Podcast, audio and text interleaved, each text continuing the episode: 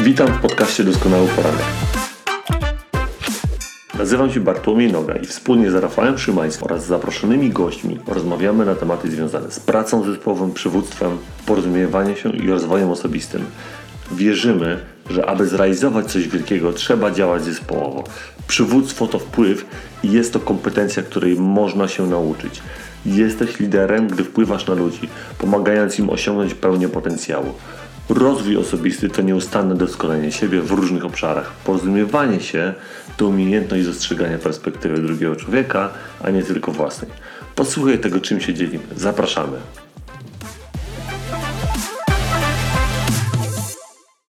Doskonałość nie polega na tym, że nie można już nic dodać, ale na tym, że nie można już nic ująć.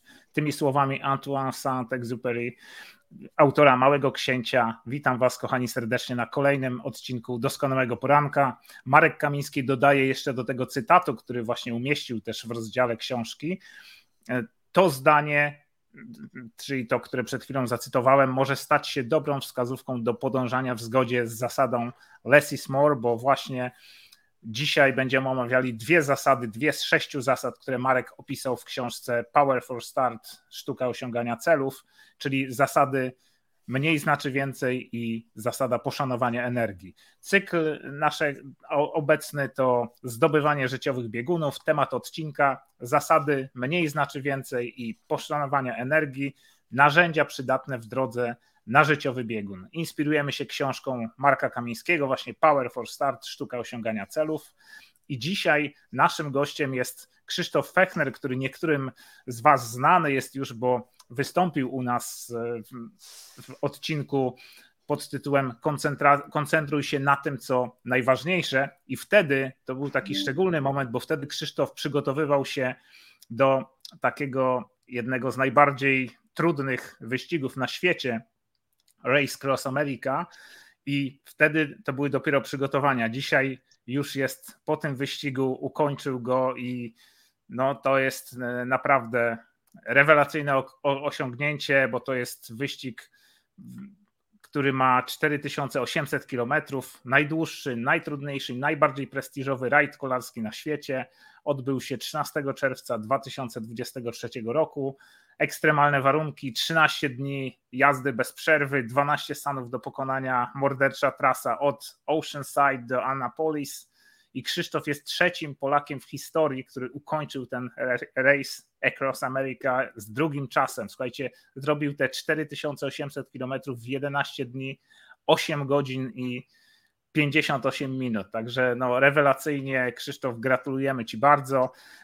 Kim jest w ogóle Krzysztof też dla przypomnienia? Zawodowo jest kierowcą autobusu MZK w Zielonej Górze, pasjonatem kolarstwa długodystansowego, ale jest kolarzem amatorem, nie jest zawodowcem, nie jest takim profesjonalistą w sensie, że zajmuje się tylko kolarstwem. Kolarstwo długodystansowe to jego pasja i tą pasję, z, tą, z tej pasji poszedł tak daleko, że ukończył taki wyścig, który normalnie do takich wyścigów przygotowują się profesjonaliści. Jest mieszkańcem Zielonej Góry, mężem i ojcem 12-letniego Kornela, którego mocną stroną jest bieganie. Także Kornel, pozdrawiamy Ciebie. My z Bartkiem również lubimy bieganie. E, jeśli chodzi o Krzysztofa, to przygodę z kolarstwem szosowym zaczął nie tak dawno temu, bo dopiero 7 lat temu, czyli to nie była taka rzecz, którą robił od dzieciństwa i po prostu przez to stał się dobry. Tylko zobaczcie, w każdym momencie można zacząć realizować swoją pasję i osiągać naprawdę rewelacyjne wyniki. Pierwszą taką trasę długodystansową Krzysztof pokonał w 2017 roku, jadąc z Zielonej Góry do Międzyzdrojów i pokonując 300 km w 23 godziny. W 2022 z kolei przejechał najdłuższy i najtrudniejszy wyścig kolarski w Polsce, Race Around Poland i to było 3600 kilometrów czyli trochę mniej niż w tej amerykańskiej wersji o 1200 km. I tam zdobył drugie miejsce w kategorii solo semi-supported i tym stał się członkiem takiej elitarnej grupy tylko pięciu zawodników w Polsce, którzy dotychczas ukończyli ten wyścig. Ta trasa wiodła dookoła Polski ze startem i metą w Warszawie i całość zajęła mu 11 dni. A tu zobaczcie, te 4800 zrobił w 11 dni 8 godzin i 58 minut. Także no, niesamowity progres, Krzysztof, po prostu rewelacja. I to drugie miejsce właśnie zagwarantowało mu w tym Race Around Poland zagwarantowało mu możliwość startu właśnie reprezentowania Polski w ogóle w tym międzynarodowym wyścigu kolarskim w USA, Race Across America. No i jak już wiecie, tak jak powiedziałem, ukończył ten wyścig. Także Krzysztof, no, fantastyczne osiągnięcia. Pokazałeś, że pasję można naprawdę na, wznieść na wysoki poziom, nawet robiąc ją, e, dzieląc pomiędzy czas pracy, rodzinę i te wszystkie rzeczy. Tak? Także oddaję Ci głos, Krzysztof, żebyś mógł się przywitać. Powiedz coś o, o jakichś tych swoich doświadczeniach, też króciutko e, z tego biegu. Czego Cię nauczyło? To jakieś takie jedno doświadczenie, które zdobyłeś podczas Race Across America. E, dzień dobry wszystkim, witam wszystkich. E, nazywam się Krzysztof Peter, tak jak zostałem już e, przedstawiony. No moje takie jedno doświadczenie to pokora. Pokora, bo ten dystans, upały to po prostu tak weryfikują człowieka. Myślałem, że ten wyścig będzie dużo łatwiejszy, a jednak Ameryka to jest druga, druga część kuli ziemskiej, to jest jednak inne jedzenie, inne, naprawdę nawet inne powietrze, tam jest wszystko inne. To jest po prostu Ameryka. I, i to mnie tak bardzo też tam mocno zweryfikowało i dało naprawdę dużo, dużo pokory. Dużo pokory na pewno. Mhm. Do wysiłku, y, do, do życia, po prostu całe życie gdzieś mi tam przeleciało, bo w Ameryce to każdy dzień to była walka, walka po prostu o przetrwanie, bo tam tak ciężkie warunki były, nie spodziewałem się góry, wjeżdżałem rowerem na wysokość 3600 metrów, gdzie normalnie w Polsce to są chyba rysy najwyższe mają, chyba 2400, nawet więcej nie mają, tak, a tam tak, drogi, drogi były na wysokości 3800, to, to się w głowie nie mieści. Pustynia, ja nigdy w życiu na pustyni wcześniej nie byłem rowerem przez pustynię, przez tą Arizonę ciężko jechać, tam dość, że to teren górzysty, nic nie ma, mm, temperatura prawie 50 stopni, no, no, no ciężko było. Ciężko było, ale dałeś radę, widzisz, to jest właśnie Tak, to. każdy dzień musiałem, tak, każdy dzień osobno musiałem się z, z, po prostu właśnie takimi małymi celami, że każdy dzień osobno musiałem się jakby zmobilizować i tylko skupić się na tym jednym dniu, żebym przetrwał tylko do końca, przejechał te 20 godzin dziennie, te półtorej godziny miałem na sen, na dobę i, i to się dla mnie liczyło. Nawet nie, nie, nie, wybiegałem do przodu, że jest jeszcze następny dzień, ile kilometrów i miałem ten limit dzienny zrobić minimum te 430 kilometrów, żeby się w tym limicie 12-dniowym, 12-dniowym z, z, z, zmieścić. Mhm. Dojechać, zmieścić. O, właśnie mhm. zabrakło mi słowa zmieścić. To tylko tak po prostu jednodniowo się po prostu na tym, na tym skupiałem. Nawet nie wybiegałem dalej, bo, bo mój mózg chyba by tego nie wytrzymał, bo jednak y, w Polsce jechałem 3600 w 11 dni, a tu musiałem w tym samym czasie dołożyć y, jeszcze 1200 kilometrów, do tego dwa razy takie góry, pustynia, teren nieznany, y, otwarte przestrzenie, potężne wiatry, jak to w Ameryce.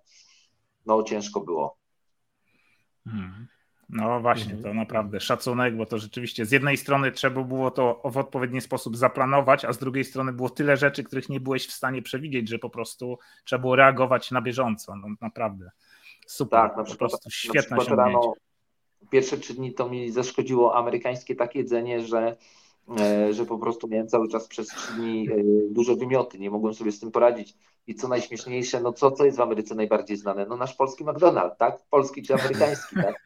No i na tym, na tym zacząłem w sumie, w sumie tam potem zaczęliśmy dużo jechać na, też na tym McDonaldzie, team to poprzestawiał troszeczkę, no i organizm w końcu dostał to, co znał. Jednak za krótki czas tej adaptacji miałem w tej Ameryce jednak, ale to też się wiązało z, kosz, kosz, z kosztami, że w tej Ameryce, żeby dłużej pobyć, przyzwyczaić się do tego, to też i urlop, i, i czas, i pieniądze, nie? Przede wszystkim, więc tylko mieliśmy 6 dni jednak to brakło trochę, trochę mało było. Mhm. Dokładnie. Także, kochani, potraktujcie to po prostu jako e, takie znalezienie rozwiązania w tej trudnej sytuacji, a nie to, że zachęcamy Was do jedzenia fast foodów, bo to nie jest zdrowe jedzenie, ale no w tej sytuacji to Krzysztof musiał wybrać to mniejsze zło, więc dlatego po prostu e, trzeba było tak zrobić. Dzięki, Krzysztof Bartek. Oddaję Ci głos. Mikrofon idzie do Ciebie. Witam moi drodzy, witam serdecznie. Ja się cieszę bardzo, że Krzysztof jest z nami. Nie ukrywam, że czekałem w ogóle na to spotkanie, tak, bo Krzysztof był z nami jeszcze przed Race Across America. Jak rozmawialiśmy właśnie, jak Krzysztof się wtedy przygotowywał do tego i nie, nie kwestia teraz tu jest cała tylko tego, że mówimy o tym mentalu i o tym, jak on teraz rozplanował, bo to, co teraz powiedział Krzysztof, te dwie rzeczy, czyli pokora i to, że rozbijał cele na małe, to jest po prostu tak bardzo istotne, że to się w głowie nie mieści. Ja też jak na przykład robię teraz trening do triatlonu, tego pełnego Ironmana, to na przykład, wiesz, jak ja widzę ten mój trening, że mam 3 km płynąć na przykład i to jeszcze w jakichś tam interwałach, to ja po prostu to rozbijam na małe kawałki, bo tak to by mi się nie chciało, po prostu mózgowo by mi się nie chciało tego po prostu przyjmować wszystkiego. A tak to wiem o tym, że mam zrobić 16 długości, później nagle zrobić coś tam, później coś, nie? I to jest, to jest niezmiernie istotne, ale pamiętam Krzysztof z tego naszego nawet wcześniejszego spotkania wspólnego, jak mówiłeś o tym, jak ty zbierałeś cały team, jak y, ty oprócz tego, że posiadłeś, wiesz, jakby za tobą idzie pełen wysiłek fizyczny, jakby tutaj to przygotowanie mentalne i tak dalej, to za tobą też szedł przygotowanie ze współpracy z zespołem, tak? O tym, żeby, żeby, żeby tych ludzi do siebie przyciągnąć, tak? Żeby mieć tych ludzi ze sobą, tych, którzy chcą z tobą być, chcą, którzy chcą cię wesprzeć i tak dalej. Także to też jest kolejna taka niezmiernie istotna rzecz, którą też z przyjemnością na ten temat bym od ciebie usłyszał. No i tyle, i rozpoczynamy. Tak? Już rozpoczęliśmy tak naprawdę. Tak. Tak, już rozpoczęliśmy. No to... mhm. Chciałeś coś dodać, Krzysztof, to proszę. Nie, to posłucham. Mów i mhm. odpowiem. Okej, okay, dobrze. Czyli słuchajcie, zaczynamy. Dwie zasady dzisiaj. Mniej znaczy więcej i, i zasada poszanowania energii. Mniej znaczy więcej. Co napisał o tym Marek Kamiński w książce? Przeczytam wam ten fragment, bo to bardzo, e, bardzo fajnie to oddaje tą zasadę. Aby żyć szczęśliwie, nie potrzebujemy aż tak dużo, jak nam się często wydaje. Szczęścia nie znajdziemy w niezliczonej liczbie przedmiotów, którymi się otaczamy, ani w tysiącach znajomych na Facebooku. Nadmiar prowadzi do chaosu, zagubienia, a w końcu do rozpaczy. Less is more oznacza przede wszystkim sztukę rezygnacji, gdyż po ograniczeniu można poznać mistrza. Jeśli się rozproszymy, będziemy stać w miejscu. To jest właśnie fragment książki Marka Kamińskiego, Power for Start, sztuka osiągania celów, właśnie dotyczące zasady mniej znaczy więcej.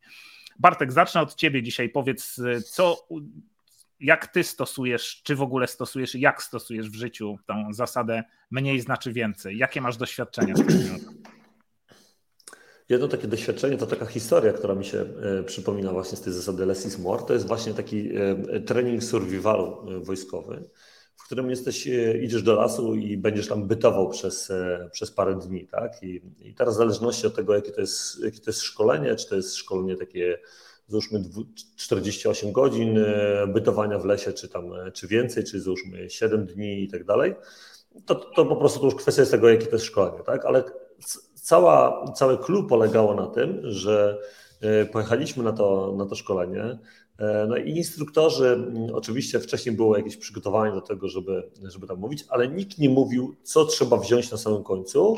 I instruktorzy chcieli, żebyśmy my na własnej skórze poczuli, co my bierzemy i, i czy to wszystko nam jest potrzebne, co jest potrzebne, co bierzemy. Nie? I były różne osoby, czyli załóżmy, y, masz bytować y, dwa czy trzy dni w lesie, masz tylko taką piłkę, kawałek jakiegoś małego nożyka, y, tam po pół racji żywnościowej no i tyle, nic więcej. Nie masz, masz mundur, masz, e, bierzesz swój plecak i, i, to jest wszystko, co ty masz, tak? I ty masz masz mapę i to jest symulacja tego, że no, rozbijasz się statkiem powietrznym gdzieś w, w jakimś terenie i musisz przy, i masz y, specjalne punkty, czyli tak jak Krzysztof miał punkty, w których musiał zaliczać y, przejeżdżając rowerem, to ja mam specjalne punkty, w których o do, dokładnej godzinie muszę się dostać na jakieś miejsce, a w międzyczasie jest jeszcze pełno ludzi, którzy cię szukają na przykład, nie? Którzy, którzy, więc ty musisz się maskować, przechodzić przez różne tereny i tak dalej, orientować się w terenie, y, ale przy okazji właśnie przeprawiać się przez to. No i, i to trwa załóżmy tam dwa, trzy dni i tak dalej, w zależności od tego, jakie to jest szkolenie. No i teraz y, instruktorzy zostawiają wszystkim wolną rękę w tym, jak oni się mają spakować, tak? I ta zasada less is more właśnie tutaj się y, bardzo mocno kłania, bo nagle są osoby, które pakują, tylko mają taki mały plecak 25-litrowy y, i biorą najbardziej potrzebne rzeczy, tak? W kontekście tego, że mają jakąś tam butelkę wody, mają tą rację żywnościową, mają jakąś tam folię termiczną i, biorą tych rzeczy minimalnie. I nagle są ludzie, którzy biorą cały plecak, wiecie, taki, y, tam nie wiem, czy ten plecak jest taki po 100 litrów, czy tam po więcej, wiesz, i w tym plecaku są po drugie buty, mundur drugi jest taki bardziej ciepły, polaria, jakieś inne rzeczy i tak dalej. Nie? I wyobraźcie sobie jeszcze, że do tego wszystkiego trzeba dołożyć, że zmienia się temperatura, że w ciągu dnia na przykład jest plus 20, jest bardzo gorąco, czy tam 20 parę, a w nocy nagle spada prawie do zera. Nie? I, I wiesz, i, I, oni oczywiście patrząc na tą pogodę, no to sobie zapakowali te wszystkie ciuchy tak, tak, tak de facto. Nie? No i wszyscy później maszerujemy, maszerujemy, każdy gdzieś tam. No i nagle się okazuje, że ci ludzie, którzy mają ten bagaż, ten plecak tak po prostu potężny, to oni zaczynają się o wiele bardziej męczyć. Tak? To jest, podzielone są na drużyny i tak dalej. Ale co jeszcze lepsze jest, że ty nie wiesz, gdzie ty się przeprawiasz. Ty masz mapę i ty się przeprawiasz przez różne miejsca, masz dojść do jakiegoś punktu. Ich nie interesuje to, jak ty dojdziesz tam. Ty masz tam dojść, tak? Możesz przejść przez wioski, musisz przejść niezauważony w miejscach, w których po prostu nikt cię nie znajdzie i tak dalej, nie? No i nagle ktoś wchodzi w jakieś bagno no i w tym bagnie zaczyna się topić, tak, po prostu, bo ten plecak y, jest za ciężki dla niego, tak, ma ze sobą, zamiast mieć ze sobą 10 kg, to ma ze sobą 30 kg, tak, albo 40 nie, dodatkowo, nie?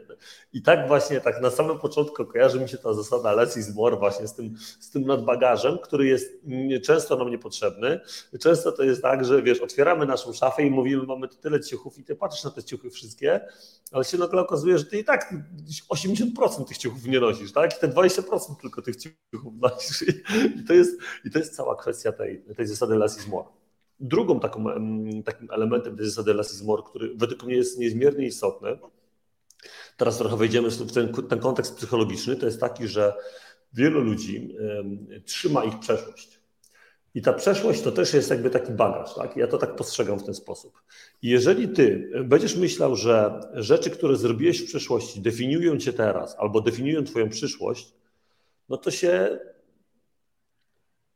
to nieraz, jeżeli masz te złe doświadczenia, to one cię mogą zatrzymywać i mogą cię trzymać, trzymać cię, jakby, że tak powiem, w takiej uwięzi. Czyli ten ciężar, tych, ten bagaż tych doświadczeń jakichś tam wcześniejszych, on cię trzyma, zamiast patrzeć do przodu z tą kwestią tego, że ja mogę wziąć, ja naprawdę nie potrzebuję, ja mogę zbudować nowe doświadczenia, ja mogę zbudować coś nowego i to, że zrobiłem coś, nawet niewłaściwego kiedyś w przeszłości, to nie znaczy, że mam je zdefiniować teraz i nie ma zdefiniować mojej przyszłości, żebym był taki, jaki mam być. Więc to jest w związku z tą zasadą less is more, więc ja tą zasadę, jak gdzieś się wybieram, to staram się brać tych rzeczy jak najmniej, bo mi jest ich tak dużo niepotrzebne, więc y, moja żona zawsze się śmieje, że to, wiesz, ja, ja to moja, moja torba to jest bardziej sprzęt do nurkowania, do polowania albo coś w tym stylu, ale wiesz, y, spodenki jedne, drugie, jakieś tam w ogóle nie ma potrzeby takich rzeczy brania, tak?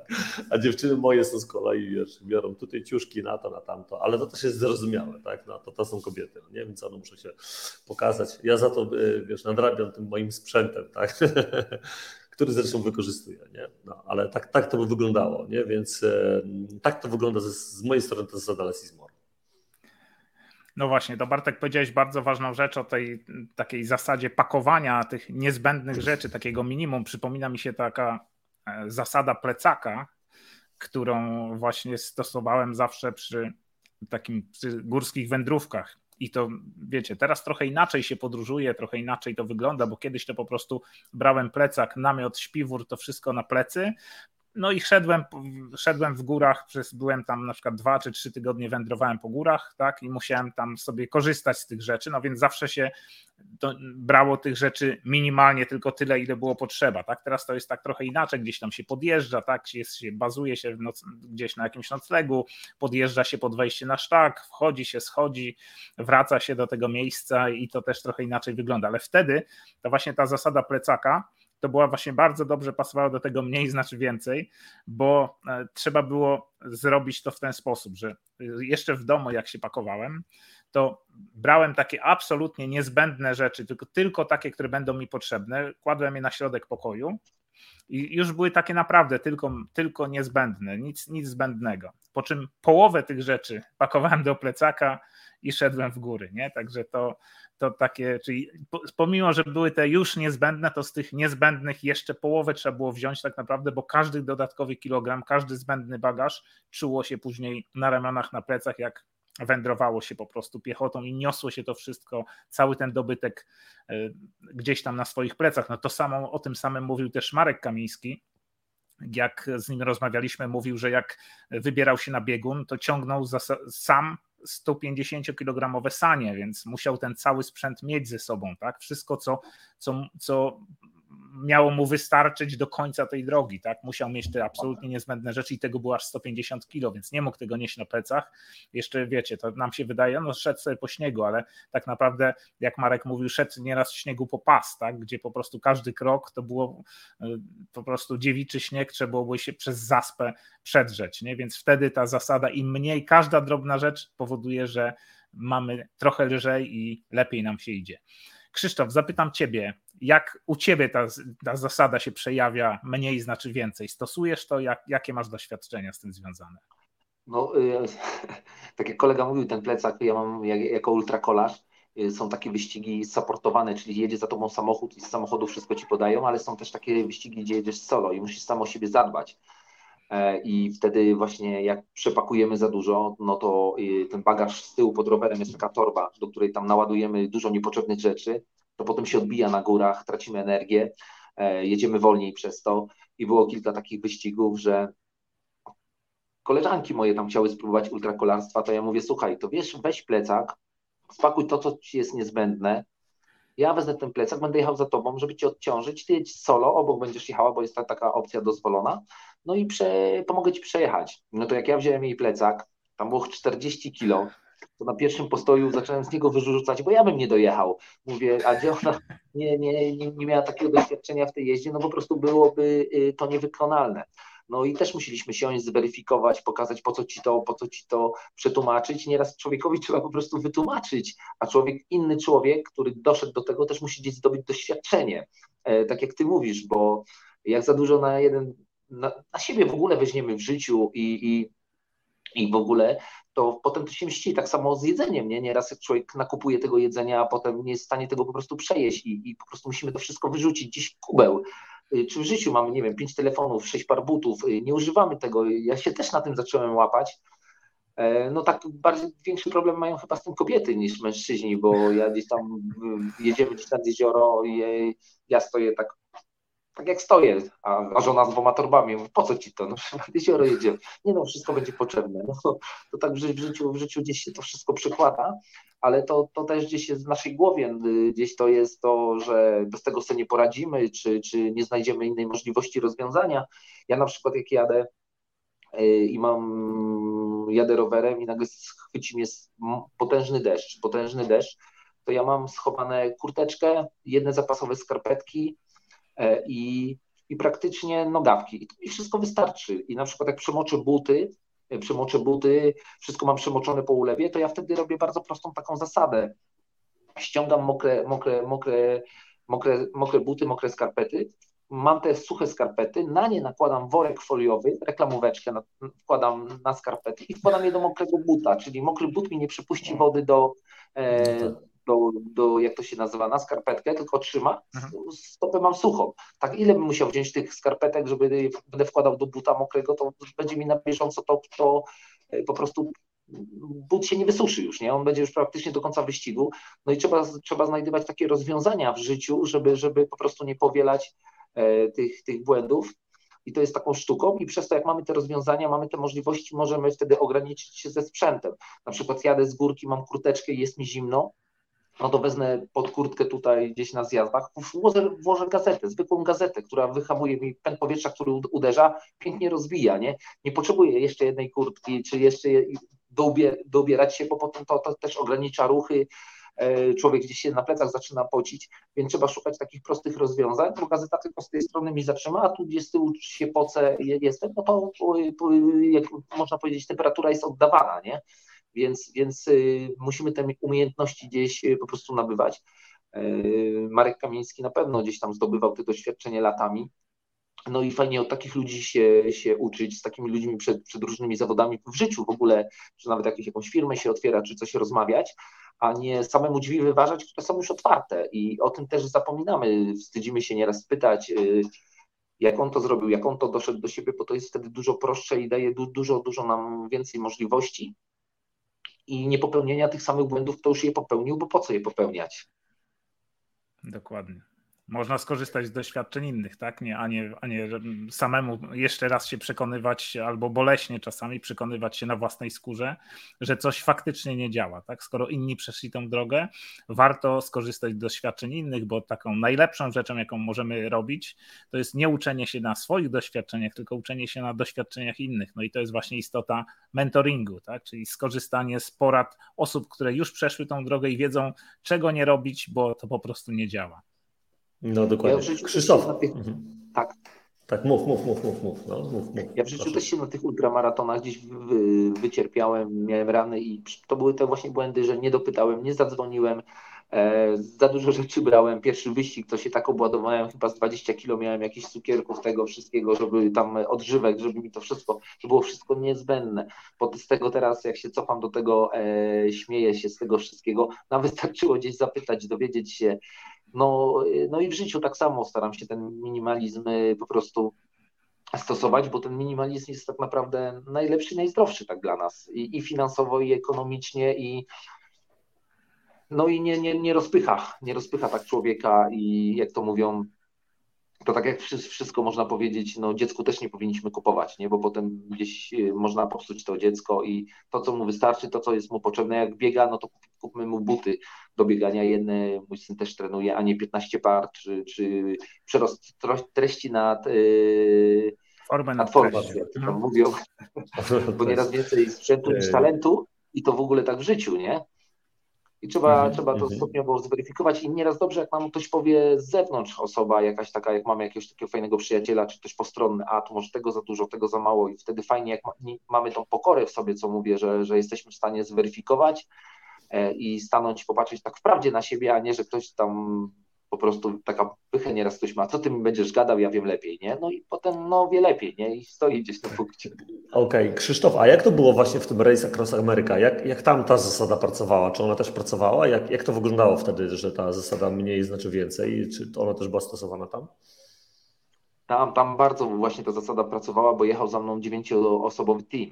Oni byli w małym kamperze. To wyobraźcie sobie, jakby ktoś do kampera dziewięć osób w jednym kamperze zabrało za dużo rzeczy, no to przecież ten kamper by był przeładowany. Każdy dostał informację, że zabiera jedną małą torbę na 12 dni do Stanów.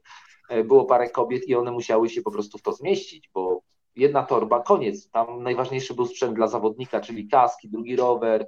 E, tam już ciuchów wzięliśmy dużo, nie? bo to Ameryka, to już, to już braliśmy wszystko po prostu, co miałem że jakby coś się wydarzyło w Stanach Zjednoczonych, to odległości były bardzo długie, po 500 kilometrów nie było nieraz tam Arizona, ani stacji, ani niczego, mieliśmy, musieliśmy być przygotowani na wszystko, więc y, stwierdziliśmy, że team jest w kamperze, ma klimatyzację, no to oni sobie poradzą, ale zawodnik musi mieć praktycznie wszystko, czy jakieś buty, czy cokolwiek by się stało, więc Yy, dla teamu była całkowity minimalizm, dla mnie tutaj w tym momencie poszło grubo. E, tak. Tutaj szliśmy, żeby nam naprawdę, bo to, e, jak to można powiedzieć, było mi potrzebne wtedy w Stanach, to też musimy wziąć pod uwagę. A w Polsce, w Polsce jak jadę, to jak mam kartę bankomatową, wam powiem, to, to kupię sobie wszystko, nie? Co chwilę stacja, stacja CPN, można praktycznie wszystko kupić, nawet ciuchy, spodnie jakieś, można koszulkę jakąś kupić. E, więc tak. to jest fajne, jak mówię, mam kartę bankomatową ze sobą plastikową, to mam wszystko, nie? Więcej mi nic nie potrzeba, resztę sobie kupię po prostu. To po co to tak ze sobą, nie? Jak Krzysztof obserwowałem Cię cały czas i tam kibicowałem mocno, e, wiesz, e, w czasie, w czasie Race Across America, no i też widziałem właśnie te, e, te informacje, na przykład jak tam zepsuło się tam z tyłu przerzutka jakaś, co chłopaki zespawali to koniec końców, tak? I, tak. I też nagle zaczęli szukać tego elementu, którego nie mogli znaleźć tak de facto i poszli właśnie po tej takiej prostej drodze właśnie takiego Polaka, który też umie kombinować i myśleć, tak? W kontekście tego, że dobra, to zespawamy, tam zrobimy to, musi, musi to działać, tak? I tyle, nie? Więc to też jest taki E, było fajne myślenie i działanie całego, całego zespołu. Nie? Mhm. Tak, zespół był przygotowany właśnie na, na, na, takie wszystkie rzeczy, żeby po prostu też minimalistycznie to wszystko było, ale też, żeby, żebyśmy sobie poradzili w każdym, w każdym jakby, w każdej sytuacji. I tak naprawdę ja kolarz, który miałem się koncentrować e, na jeździe tylko, żeby jechać tą Amerykę cały czas codziennie po te 20 godzin na rowerze, a oni, oni to jest 9 głów, mówię, siądą, zawsze coś wymyślą. Ich jest dziewięciu, tak? No i wymyślali, naprawdę udało się, ukończyliśmy bardzo dużo wyścigów. E, w ogóle w tym wyścigu Race Cross America e, nie, kolarze nie kończyli. Bo ten wyścig jest od 1982, przez to, że teamy się rozpadały. Nie to, że kolarz nie, nie dał rady, tylko albo się pokłócili, albo po prostu ktoś wyszedł nagle z teamu na środku gdzieś tam trasy i poszedł, bo nie mogli się dogadać, albo czegoś brakło. I właśnie przez to team zawalał, y, nie wiem, w 80 czy w 70% właśnie tych nieukończonych y, y, zawodników, których nie dojechało, to przez team właśnie, nie? To team jest tu właśnie kluczowy. Nawet mówią mój trener Remek, Remek Siudziński, który powiedział, który mnie przygotowywał do wyścigu, który to był pierwszy Polak, który kończył ten wyścig, powiedział, że 40%, 30% nawet mówił procent to jest kolarz, a 70-60% to jest team. Tak jest ważne po prostu zaplecze, które jedzie za nami. To ja, ja aż w to nie wierzyłem, ale potem jak już jechaliśmy tu w Amerykę, to wszystko zweryfikowałem, widziałem jaka jest y, gęsta atmosfera nieraz momentami, to już wiedziałem o co chodzi, bo to można zobaczyć sobie, no wrzucić dziewięć osób, które się tak naprawdę nie znają do, do, do, do kampera, dać ich na pustynię, gdzie jest ograniczone jedzenie, ograniczona woda, y, upał straszny, przychodzi potworne zmęczenie, bo ja jechałem cały czas po 20 godzin, ten samochód za mną też musiał jechać. To nie jest tak, że oni się gdzieś tam przyspali, tam ktoś tam gadał, ktoś robił, oni tam sobie drzemali, ale te zmęczenie też po, po nie wiem, 6, 7, 8, 9 dnie u nich narastało. Rozdrażnienie idzie razem ze zmęczeniem, z niedojedzeniem. E, I więc, więc mm, było bardzo, bardzo mi się wydaje ciężko. Ja też o wszystkich sytuacjach może, które były tam w kamperze też nie wiem, bo miałem nie wiedzieć, właśnie miałem się skupić tylko na jeździe no ale zrobili to fantastycznie, dojechali, e, szef tam teamu po prostu utrzymał to w rydzach i nieważne jak, ważne, że ukończyliśmy zadanie, wykona, wykonaliśmy i no to było tak, takie tak. naj, naj, najważniejsze, no bo to było celem, tak?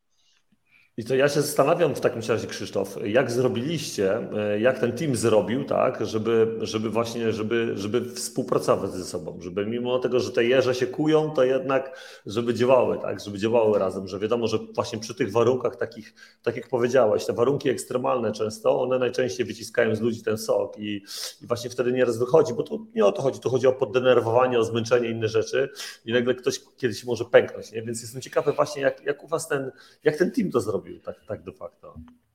W ogóle jak jechaliśmy, to powiedzieliśmy, jaki mamy cel. I cel był mhm. ukończyć wyścig Race Cross America i każdy musiał się podpasować. I mówiliśmy, że, że to nie jest wycieczka, jedziemy i co by nie było, każdy musi zacisnąć zęby. I, i tu cel jest priorytetem, yy, nieważne co by się działo, nawet jakby ktoś złamał nogę, to szpital yy, wzywają pogotowie, czy siada z tyłu tam yy, ma, ma gips i nie przeszkadza, ale wyścig trwa dalej, bo to, to nie można nagle zatrzymać w połowie bo to jest za, za, za duże koszty. To są ludzie, którzy mi gdzieś też e, dali pieniądze i ja wiedziałem, że to są też e, ludzi ciężko zarobione pieniądze, jakieś firmy nawet jak dali, to mogli sobie wydać na co innego, zainwestowali tutaj w nasz wyścig, no to nie możemy nagle powiedzieć, że mi odpadł paznokieć, ktoś tam się źle poczuł i, i, nie ukończyliśmy tego wyścigu. To się po prostu jedzie, to tak jak w samochodzie, samochód gdzieś tam nawet są jakieś rajdy, gdzieś tam koło odpadnie, no to się, e, nie wiem, nieraz na trzech kołach widziałem samochód gdzieś tam dojechał, byle do boksu dojechał, tam go zrobili i pojechał dalej, czy tam bez błotnika, czy no, no tu się jedzie, no to trzeba walczyć, no to jest taka, taka jakby mhm. wo, wojna można powiedzieć.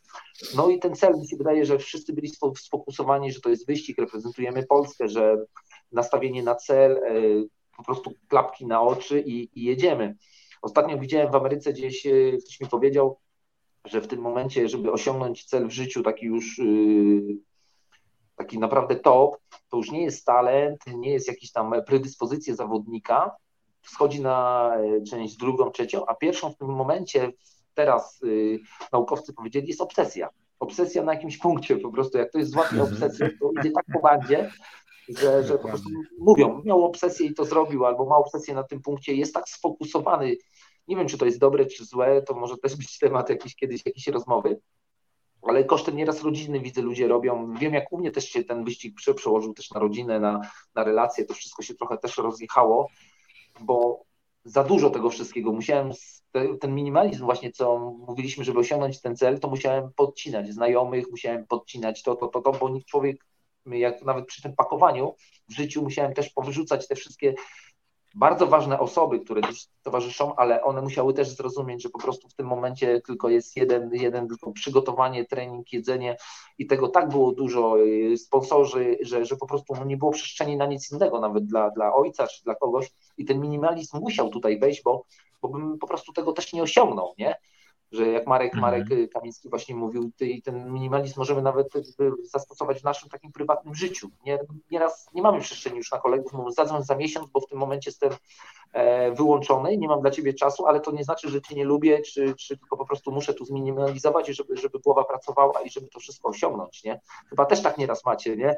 Że, że po prostu no nie macie oczywiście. przestrzeni albo albo no nie wiem, córka ma jakieś tam ważne egzaminy, no już nie będziecie w domu imprezy robić, bo koledzy chcą przyjść czy coś, no nieraz trzeba urodziny czy jakieś po prostu przełożyć, no i tyle. I, i każdy musi to zrozumieć. Jesteśmy dorosłymi, dorosłymi ludźmi, że, że ten cel, tak? Cel musimy osiągnąć, czy to będzie wykształcenie dziecka, czy to jakieś, nie wiem, budowa domu, no są takie momenty w życiu, że nie mamy przestrzeni dla nikogo, się fiksujemy, tak mówię, może nie obsesję, ale na, na jeden moment zrobimy to i wtedy mamy przestrzeń już dla, Mhm. dla większej grupy.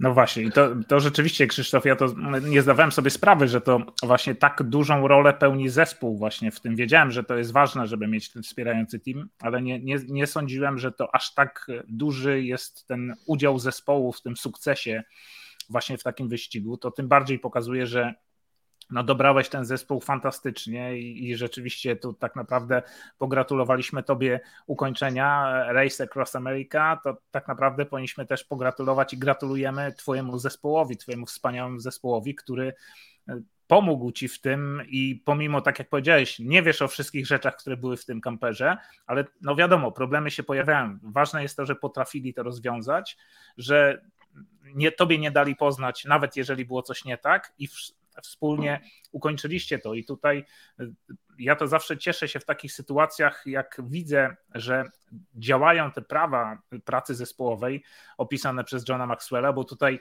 jeden to za mało, żeby osiągnąć wielkość, tak? Prawo doniosłości.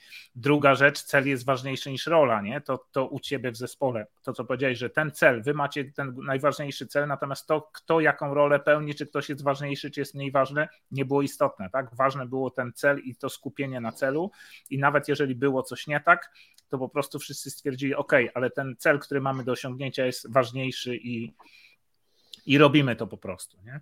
I, Nawet, i to, nawet to, przed, powiem, Mhm. y, przed samym wyścigiem, już nawet nie w trakcie wyścigu, jak już y, miałem szefa teamu, ten zespół zaczął się budować, to w pewnym momencie y, dużo ze mnie zeszło, bo nagle już jak już miałem tego szefa teamu, któ- którego wybrałem, to w pewnym momencie i to już parę osób to jeden załatwił to, już za, i szef załatwił bilety. Ja już o tym nie myślałem. Ja już wiedziałem, że jest szef Tak. teamu, który robi już całą taką robotę tam, e, hotele wynajmuje. Jak ja bym miał to wziąć na siebie jeszcze, a ja bym się do tego już, już nie dał rady przygotować po kiedy, bo ja widziałem, ile oni energii tam mają. Masażysta, zadbali o leki, o których ja już tam y, przeszli jakieś szko- szkolenie me- medyczne. Ja na nic nie jechałem, oni to wszystko robili. Oni byli na to wszystko przygotowani. To ja już wybrałem sobie ten team, to ile ze mnie zeszło, Jezu, jak ja się ucieszyłem, to Tak. po prostu miałem, już, już mogłem tylko sobie tam po prostu e, pedałować, czy ewentualnie na, tam gdzieś na rozmowy z, ze sponsorami, pójść ludźmi, którzy chcieli, chcieli w tym uczestniczyć, y, z firmami.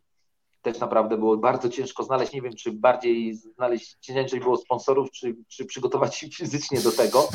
No ale byli tacy ludzie, którzy, którzy chcieli i, i pomogli naprawdę, bo to y, cały wyścig mnie kosztował ćwierć miliona złotych. To można powiedzieć, ja się zamknąłem w 240 tysiącach złotych. To jest bardzo dużo, bo Mhm. w Ameryce wypożyczyć kampera w Los Angeles i zostawić go w Waszyngtonie, to jest druga część Ameryki, to jest taka akcja No tak. porzuć, porzuć samochód. Za ten samochód zapłaciłem za kampera 8 tysięcy dolarów, przez to, że go tam porzuciłem, oni musieli go tam z powrotem, ktoś musiał chyba pojechać, go tam ściągnąć, oni mają to oddziały, ale z powrotem na drugi koniec Ameryki trzeba było go przetransportować, nie? Było Mhm. takich trochę, to też generowało duże koszty. No ale udało się to wszystko zebrać e, i, i zrobić, ale mówię właśnie, ludzie, którzy nas otaczają, nieraz warto mieć dobrych, bo nieraz samemu coś zrobimy, ale to będzie trwało dużo, dużo wolniej, naprawdę dużo wolniej i będzie nas Mhm. kosztowało dużo więcej energii, więc, więc y, team, team jest zawsze y, potrzebny. No wszędzie zawsze mówią, miał dobry team, dobrego trenera w Tak. każdym sporcie. Nie wiem jak tam Marek Kamiński tam co, zasuwał, już nie mógł liczyć na tych ludzi, musiał sobie, to trochę inaczej wyglądało, więc y, duży, duży szacunek naprawdę. Ale fajnie, że są tacy ludzie, którzy przełamują te schematy, pokazują innym, że można, tak? Y, Robić rzeczy jakby nie, niemożliwe. Jeden gdzieś tam zanurkuje, drugi przepłynie Bałtyk, trzeci przepłynie Wisłą, y, kajakiem Wisłę. No są takie rzeczy. Że, że, że przerastają, ale to pokazuje, jaką my mamy szerokość y, możliwości i ostatnio rozmawiałem z taką kobietą, y, mm, która gdzieś tam y, mnie pytała, w aptece sprzedaje, jak to jest, że ja takie rzeczy robię. Ja mówię, że my po prostu ogólnie jesteśmy tak zasiedzeni, jesteśmy jakby siedzimy w takim jakby dobrobycie. Mamy fajny samochód, podjeżdżamy do pracy, przyjeżdżamy do domu, jemy, ale mówię, taka kobieta na wiosce, to ona musi wstać o czwartej, wydoić krowy, idzie do pracy, to ona poświęca tyle energii pracy, że jakby wziąć taką kobietę z miasta, która żyje w takim jakby dobrobycie, to ona by tam padła po prostu. Więc my przez ten luksus trochę wychodzimy z tego, z takich możliwości swoich fizycznych, zatracamy to wszystko i jak coś, po, coś, coś nie wiem, ktoś przyjedzie na rowerze 100 kilometrów, to jest dużo. Ludzie kiedyś, no nie wiem, szli do, do lasu i chodzili całe, nie wiem, dwa dni, żeby upolować e, dla wioski, mówię bardzo dawno temu, nie? E, jakiegoś dzika czy, czy jakieś tam zwierzynę. I oni robili tam kupę kilometrów i wstawali znowu, bo inaczej po prostu polegało życie ich na polowaniu. A my teraz jesteśmy w tym dobrobycie, że nieraz nam się wydaje, że dużo to jest dużo, a to jest tak naprawdę nic i, i, mamy dużo większe możliwości, tylko ten dobrobyt, to wszystko, co jest, y, obniża nasze w mózgu, powoduje, że, że to jest coś, coś wielkiego, a tak naprawdę jest, każdy jest w stanie to zrobić, każdy jeden, tylko no, tylko nie chce nam się po prostu ten, ten dobrobyt, no, nawet do telewizora już nie podchodzimy, tylko naciskamy go, tak? I dziecko nawet nie, nie zaprowadzamy do, do przedszkola, żeby złapało jakąś odporność rano, czy, czy wróciło, tylko od razu ubieramy w samochód, podwozimy i do tego, nie? No, jak to ma? A przejść do przedszkola godzinkę wcześniej wstać, wrócić, wiadomo, że to trochę czasu, ale dziecko się przejdzie, złapie odporność, zimą trochę nie robimy tego, nie robimy, nie chce nam się po prostu. Mhm. Tak, dokładnie. To są takie rzeczy, słuchajcie, no to ja nawet niedawno rozmawiałem z takim kolegą, który mówi, a musiałem tam jeszcze pojechać po mleko tam do Lidla, nie? Na tej zasadzie. Mówię, ale to czemu jechałeś? Przecież masz sklep tam 150 metrów od siebie. Ale nie chciało mi się iść piechotą. A samochodem to za blisko tutaj, nie? No więc, więc to są takie rzeczy, ale to właśnie e, to, co ty powiedziałeś, Krzysztof, właśnie, że e, te takie są pewne takie granice możliwości, które wydaje nam się, że są dla nas nieosiągalne. Ja kiedyś tak miałem na przykład z maratonem. Wydawało mi się, że maratonu to ja nigdy w życiu nie przebiegnę. Jak już przygotowywałem się i przebiegłem już tych kilkanaście maratonów w życiu, to wiem, że to nie jest takie straszne, jak mi się wydawało na początku, że to nie jest takie niemożliwe, jak mi się wydawało na początku. To po prostu wymaga tego, co ty powiedziałeś. Nie, wystarczą, nie wystarczy talent, nie wystarczą predyspozycje. Później to tak naprawdę jest tylko podejmowanie działań, konkretne treningi, rutyna, tak i wykonywanie tych poszczególnych działań. I to, co też powiedziałeś, chciałem się odnieść do tego, co powiedziałeś właśnie odnośnie tego, że ktoś w zespole już załatwiał bilety, zajmował się tam innymi rzeczami, a ty koncentrowałeś się na tym, co ty miałeś do zrobienia. I to jest właśnie fajny przykład tej działania, tej zasady właśnie mniej znaczy więcej. Mnie ta zasada, tak jeszcze krótko dodam do tego, co już wypowiedzieliście, że mi do tej zasady mniej znaczy więcej pasuje też bardzo dobrze z nią koreluje ta zasada 80 na 20, zasada Pareto. To jest tam jedna z ulubionych zasad Krzysztofa, który widzę jesteś z nami serdeczne pozdrowienia Krzysztof. Ja mam takie bardzo dobre doświadczenia związane ze stosowaniem zasady mniej znaczy więcej właśnie w połączeniu z zasadą Pareto i stosowaniem priorytetów, bo to jest takie bardzo ważne, że ta lista zadań od najważniejszego do najmniej ważnego tworzę taką listę zadań i zaczynam od tego najważniejszego, tak? Czyli muszą być tak uporządkowane. To nie może być tak, że mam na przykład bardzo trudną rozmowę, ważną, ale trudną rozmowę z klientem i kilka maili do odpisania, no to no nie mogę robić wszystkiego, tak? Tą rozmowę odłożę na później. No nie, muszę się właśnie zająć tym, co jest najważniejsze, czyli tą rozmową, Zostawiam to odpisanie na kilka maili, bo mogę to zrobić tam jutro, czy pojutrze, czy, czy kolejnego dnia, bo to nie jest takie ważne, ale ważne jest, żeby na przykład wyjaśnić temat jakiejś eskalacji czy czegoś, żeby też ten problem nie narastał, tylko żeby go rozwiązać od razu. Bez, a bez ustalenia priorytetów, no to po prostu nic z tego nie wyjdzie. Tak? Więc myślę, że to jest ważne, żeby rezygnować z tych mniej ważnych, nieistotnych rzeczy, takich, które nie mają jakiegoś konkretnego wpływu, konkretnego przełożenia na nasze życie, a właśnie wykonywać te rzeczy, które są wartościowe, które są ważne, które mm, dają nam coś konkretnego, dają nam jakieś możliwość doskonalenia siebie, podniesienia siebie na wyższy poziom. Myślę, że to jest taka bardzo ważna rzecz.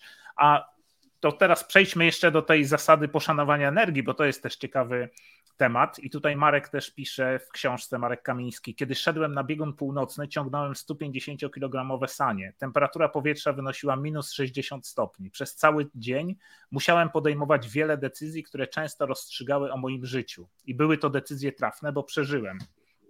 Codziennie rano i wieczorem musiałem składać i rozkładać namiot, topić wodę z lodu, przygotowywać posiłki, reperować sprzęt i tak przez 72 dni.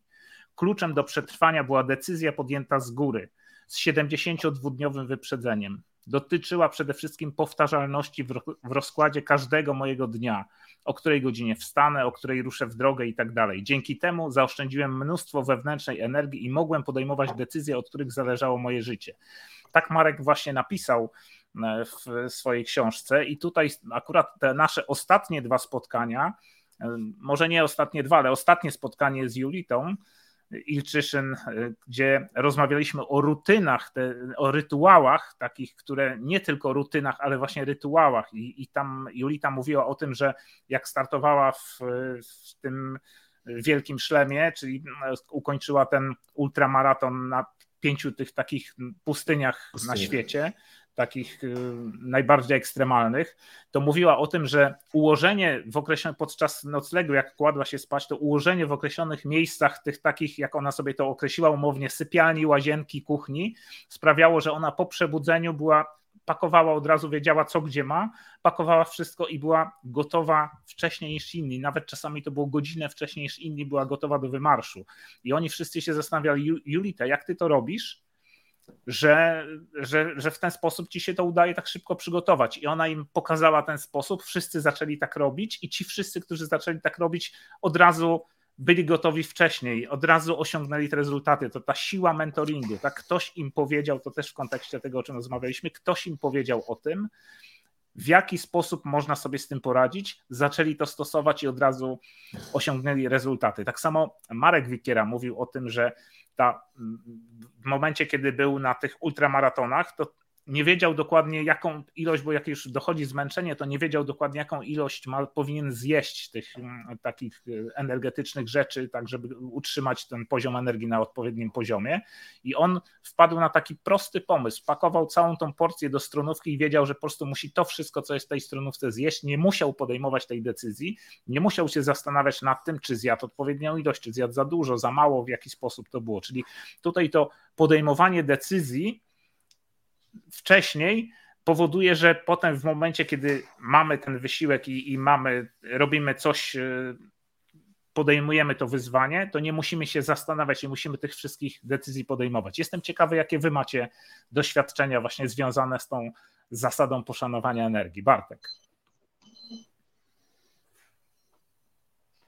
E, energia właśnie jest bardzo ważna, to można tak szybko przełożyć na sport, no jak ktoś, nie wiem, ma przebiec maraton, y, czy przejechać rowerem 500 km, no jak pojedzie w trupa na początku, no to już jest po nim, no to wyczerpie całą tą swoją, można powiedzieć, taką energię i jak nie rozłoży odpowiednio sił, e, no to, to będzie po, po zawodniku, no trzeba wiedzieć y, na jakie tempo się jedzie na kilometr, na jakie na 10 kilometrów, a na jakie na 100 czy na 500 kilometrów, to jest całkowicie dwie dwie różne rozłożenia jakby sił czy energii, to tak samo jak sprinter biegnie na 100, 100 metrów, a inaczej biegnie maratończyk i ten, co, co wygrywa maratony, może nigdy nie wygrać sprintu, a ten, co biegnie sprint, nigdy może nie wygrać maratonu, bo to są y, całkowicie, oni przekładają inaczej energię, siły i, i przygotowania.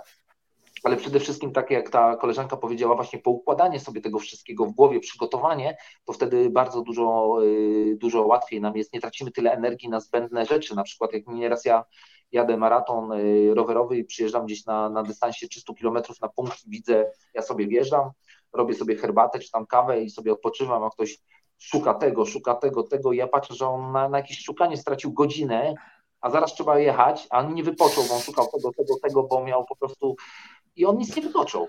I potem to się zemści dalej na, na, na wyścigu, a jak człowiek ma poukładane mniej więcej już zaplanowane wcześniej, yy, czy, czy mówię, przygotowany plan w ogóle jakiś, to traci dużo, dużo mniej, e, mniej energii. Nieraz jak jest rama rowerowa, to mam karteczkę, mhm. nieraz sobie tam wpadłem i, i, najważniejsze, to, to, to na punkcie, tak? I, i, I według tego, pach, pierwsza, druga, trzecia i więcej już mnie nic nie interesowało, nie?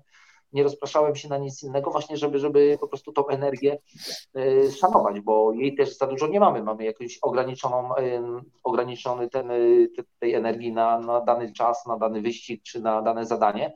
Jak my to roztrwonimy, no to potem nam jest ciężko, potem musimy gdzieś, skąd ją zaczerpiać? No, już nie ma z czego, bo ten, no nie nalejemy sobie, nie, nie kupimy sobie jej, nie? Ona się skończy i koniec. No. Tak. To, jest, to jest taki proces. Sami wiecie, jak trenujecie i nieraz czy coś w życiu robicie i gdzieś, gdzieś, gdzieś się rozproszycie albo coś wyskoczy takiego yy, niespodziewanego, nawet jedziemy gdzieś na jakieś spotkanie, nagle złapiemy gumę, nie? to ile energii poświęcimy, żeby to koło szybko zmienić, tutaj, tutaj, stres od razu rozbija człowieka całkowicie i i człowiek jest, zamiast się skoncentrować, o czym będzie rozmawiał na, na spotkaniu, to to koło zmienia i po prostu jest wybity totalnie. To, to więc jest takie przygotowanie, poukładanie sobie tego wszystkiego no jest bardzo ważne, czy w życiu prywatnym, czy, czy, czy w sporcie, to, to mi się wydaje, że to jest niezbędne, nie? I naprawdę tą energię trzeba bardzo, bardzo szanować. Mhm. Ja to, ja, to bym do, ja to bym dodał do tego nawet jeszcze to, że wiesz, właśnie tak jak Krzysztof powiedziałeś, że jak jakieś są jakieś, jakieś sytuacje, które e, są, których się nie spodziewałeś i nagle ty jesteś zdenerwowany i nagle pozwolisz sobie na to, że ty jesteś zdenerwowany, tak? No bo ty sam się jakby swoją opinią e, wyprowadzasz z, błęd, wyprowadzasz z równowagi i denerwujesz się. Mm, bo tak często jest, że to jest też, też jakby nasza, nasza, tylko to jest tylko i wyłącznie nasze podejście, a tam to jest fakt, że coś się wydarzyło, to często to nam zabiera tyle energii, że nie pozwoli nam później zrobić właśnie czegoś w takim, w takim stylu, jak powinniśmy. Nie? Ja wiem sam na przykład, jak gdzieś tam mnie coś wyprowadziło z równowagi, bo nie szło zgodnie z moim planem, ja sobie sam pozwoliłem na to, żeby to mnie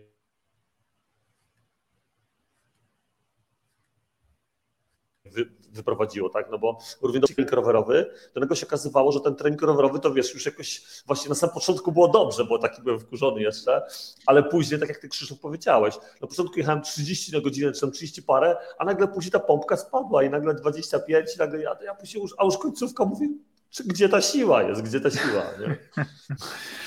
Dokładnie, tak. To jest bardzo ważne, to rozłożenie. Ja też mogę to potwierdzić w tych różnych, czy triatlonowych, czy maratońskich właśnie e, wyzwaniach. No to po prostu, jeżeli zacznę za szybko, bo dam się porwać tłumowi, bo to wiecie, jak jesteśmy na mecie, e, znaczy na starcie, tak, muzyka, wszyscy to zagrzewają, startujemy, cała ta rzeka ludzi zaczyna płynąć, to łatwo się poddać temu nurtowi i powiedzieć, dobra, biegnę, tak? Co tam, założyłem sobie tam czas o pół minuty niższy, ale wszyscy biegną szybciej, to ja też biegnę tu właśnie chodzi o to, żeby zachować ten spokój i utrzymać się w tym swoim czasie. Ja na przykład bardzo często, jak zakładałem na przykład, że przebiegnę maraton w 4,45, to się ustawiałem z tymi, którzy biegną na 5, 5,15, żeby zacząć wolniej, spokojniej, a potem po prostu dopiero właśnie wejść w to tempo takie szybsze i, i wtedy dobiec, niż właśnie dać się porwać temu tłumowi. Niektórzy robili tak, że jak bieg na 4,45, to ustawiał się na 4,30, bo może złamie ten rekord, no ale niestety ci, y, którzy biegli na 4,30, biegli dużo szybciej,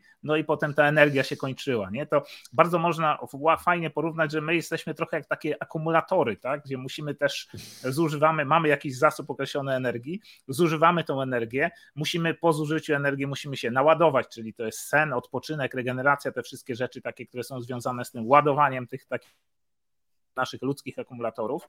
Ja mam takie też e, doświadczenia, jak pływam e, łódką z silnikiem elektrycznym, to jeżeli chcę płynąć gdzieś daleko, to nie mogę po prostu e, myślę sobie, o to mam długi odcinek do przepłynięcia, to dam na maksa prędkości, po prostu szybciej tam dopłynę. Nie, muszę wpłynąć powiedzmy na jakieś 70%, 80% możliwości akumulatora, żeby mi to wystarczyło, bo jeżeli ja dam na pełną moc, no to ten akumulator wystarczy mi na krótszy czas, a jeżeli właśnie zmniejszę to, to będę płynął trochę wolniej, ale będę mógł dalej dopłynąć, tak? Natomiast jeśli jest to krótki odcinek i potrzebuję szybko dopłynąć, no to mogę dać tak wtedy na maksymalną prędkość, bo wiem, że tej energii mi wystarczy, nie? Więc ta, ta umiejętność zarządzania tą energią w naszym życiu ludzkim też jest, myślę, bardzo istotna, tak? W zależności od tego, jakie wyzwania podejmujemy, co musimy zrobić, to wtedy e, właśnie szanowanie tej energii, czyli zużywanie minimalnie, ile tylko można tej energii w danym momencie zużyć, żeby robić coś w taki efektywny sposób. Także to myślę. Fajnie, fajnie to widać, na przykład jak ja byłem ostatnio na zawodach z synem, u dzieci, że mają tam do przebiegnięcia kilometr i takie są niektóre dzieci mniej doświadczone, no to one lecą od razu, tam jakby na 100 metrów ten kilometr. I po 200 metrach koniec, jest odcięcie totalne, że nie są w stanie nawet dobiec do tego. I, i to właśnie mhm. taka brak, brak tej świadomości u dzieci, wiadomo, bo nie mają tego doświadczenia życiowego, tak. E, nikim tego nie, e, nie, nie powiedział, może brak trenerów też jeszcze, e, no to dziecko sobie sprawy nie zdaje, no, no, to leci, nie? No to myśli, że doleci sobie na tym fullu, nie? A przychodzi 100, 100 metrów, nawet nie, nie raz szybciej, nawet 150 i koniec. Już jest, już nie, nie, ma, nie ma z czego, nie? A inny sobie tam po prostu troszeczkę wolniej bieg, biegnie i sobie wygrywa. I to też jest pokazane, że właśnie e, ten brak takiego właśnie doświadczenia, czy brak umiejętności zarządzania tą energią, że fajnie, fajnie właśnie wiedzieć na przykład, że mam energię, że jak polecę na fula, to przelecę tyle, polecę na, na tej, to dolecę tutaj. To, to tak jak w samochodzie, że jak pojadę na pełnym gazie, to mi spali tyle. Wiem z tego, że Bugatti Veyron chyba e, na pełnym baku przy pełnej prędkości jedzie 12 minut, nie? To, co to jest, nie? A normalnie jak to zatankujemy, to pojedzie tak. dużo więcej, nie? To też pokazuje nawet w silniku, nie? Jak, jak on zużywa tą energię, samochód i, to to jest 12 minut. No wiadomo, że on wtedy jedzie 400 na godzinę, ale jak, jaki musi mieć pobór tej energii, nie?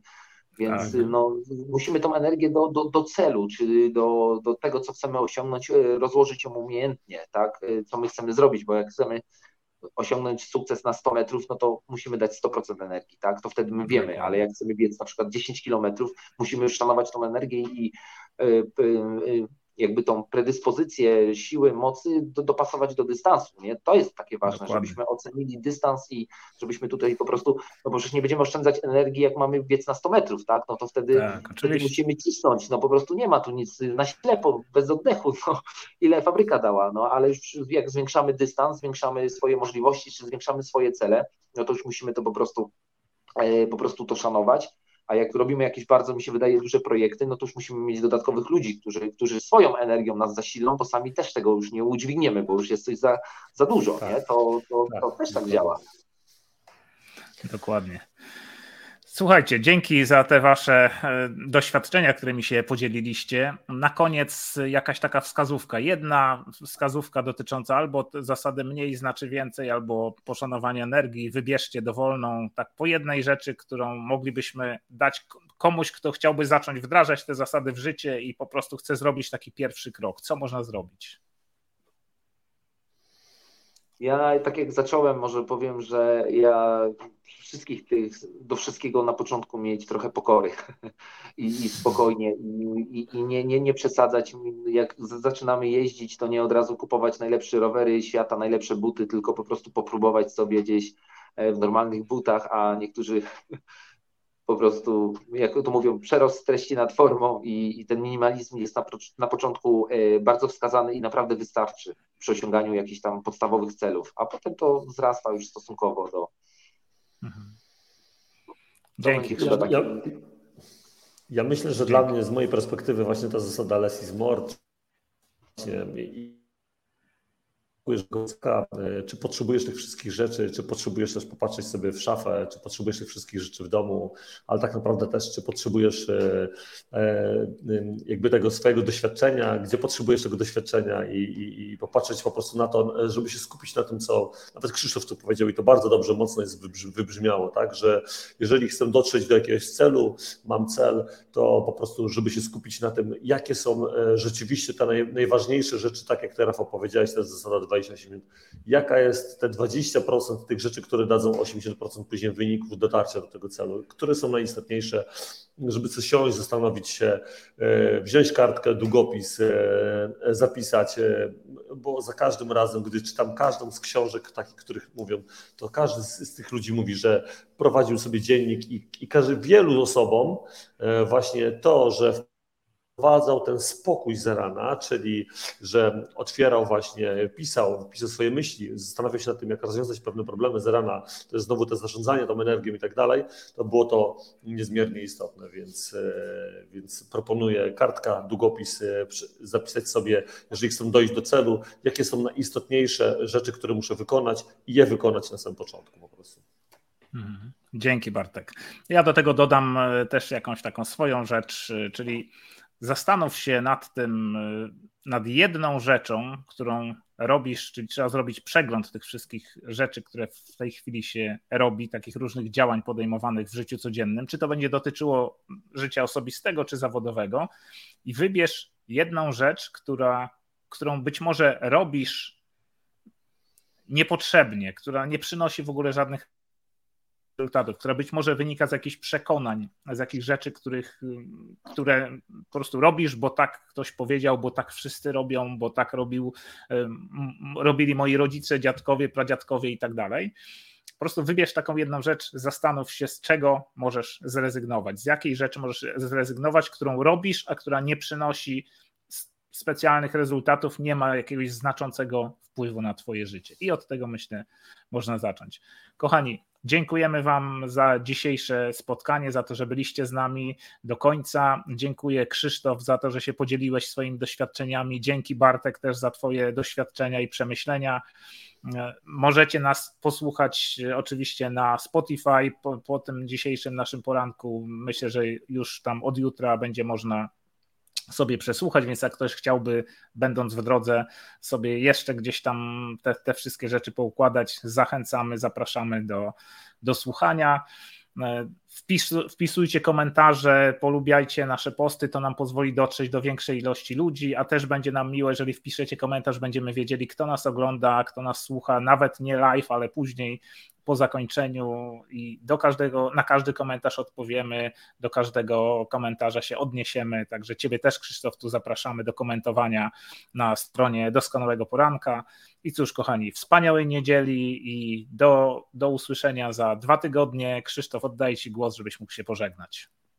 Chciałem powiedzieć, że Was śledzę cały czas i dzięki Wam poznaję takich ludzi, że nawet nie wiedziałem, że żyją. Przepraszam, że tak powiem, e, bo Wy ich wyciągacie skądś i to jest, to jest, to jest właśnie taka fantastyczna robota, e, którą Wy robicie, że, że dajecie takim właśnie zwyczajnym, niezwyczajnym ludziom e, naprawdę zaistnieć i też pokazać innym, którzy gdzieś mogą do nich potem dotrzeć czy, czy, czy porozmawiać, to fantastyczne jest, naprawdę szacunek dla Was i, i sobie zawsze przeglądam, kto kogo macie? I wiadomo, że nieraz są takie tematy, które gdzieś, gdzieś kogoś nie interesują, bo to jest nie ich bajka, ale są takie, że idealnie się strzelacie i to pewno tak jest. I na przykład tak jak właśnie ta, ta biegaczka, ten sport tak gdzieś jest blisko mnie, to ja zawsze śledzę i patrzę. I naprawdę fajnie, fajnie posłuchać. I naprawdę jeszcze raz Wam dziękuję i pozdrawiam wszystkich, e, wszystkich po drugiej stronie e, kamery. Dzięki Krzysztof. Dzięki, dzięki Krzysztof za te słowa i dziękujemy Wam za Waszą obecność. Wszystkiego dobrego i dzięki Krzysztof, że byłeś z nami. Dzięki serdecznie. Fajnie, to było Wspaniałej niedzieli. Wspaniałej niedzieli. Hej.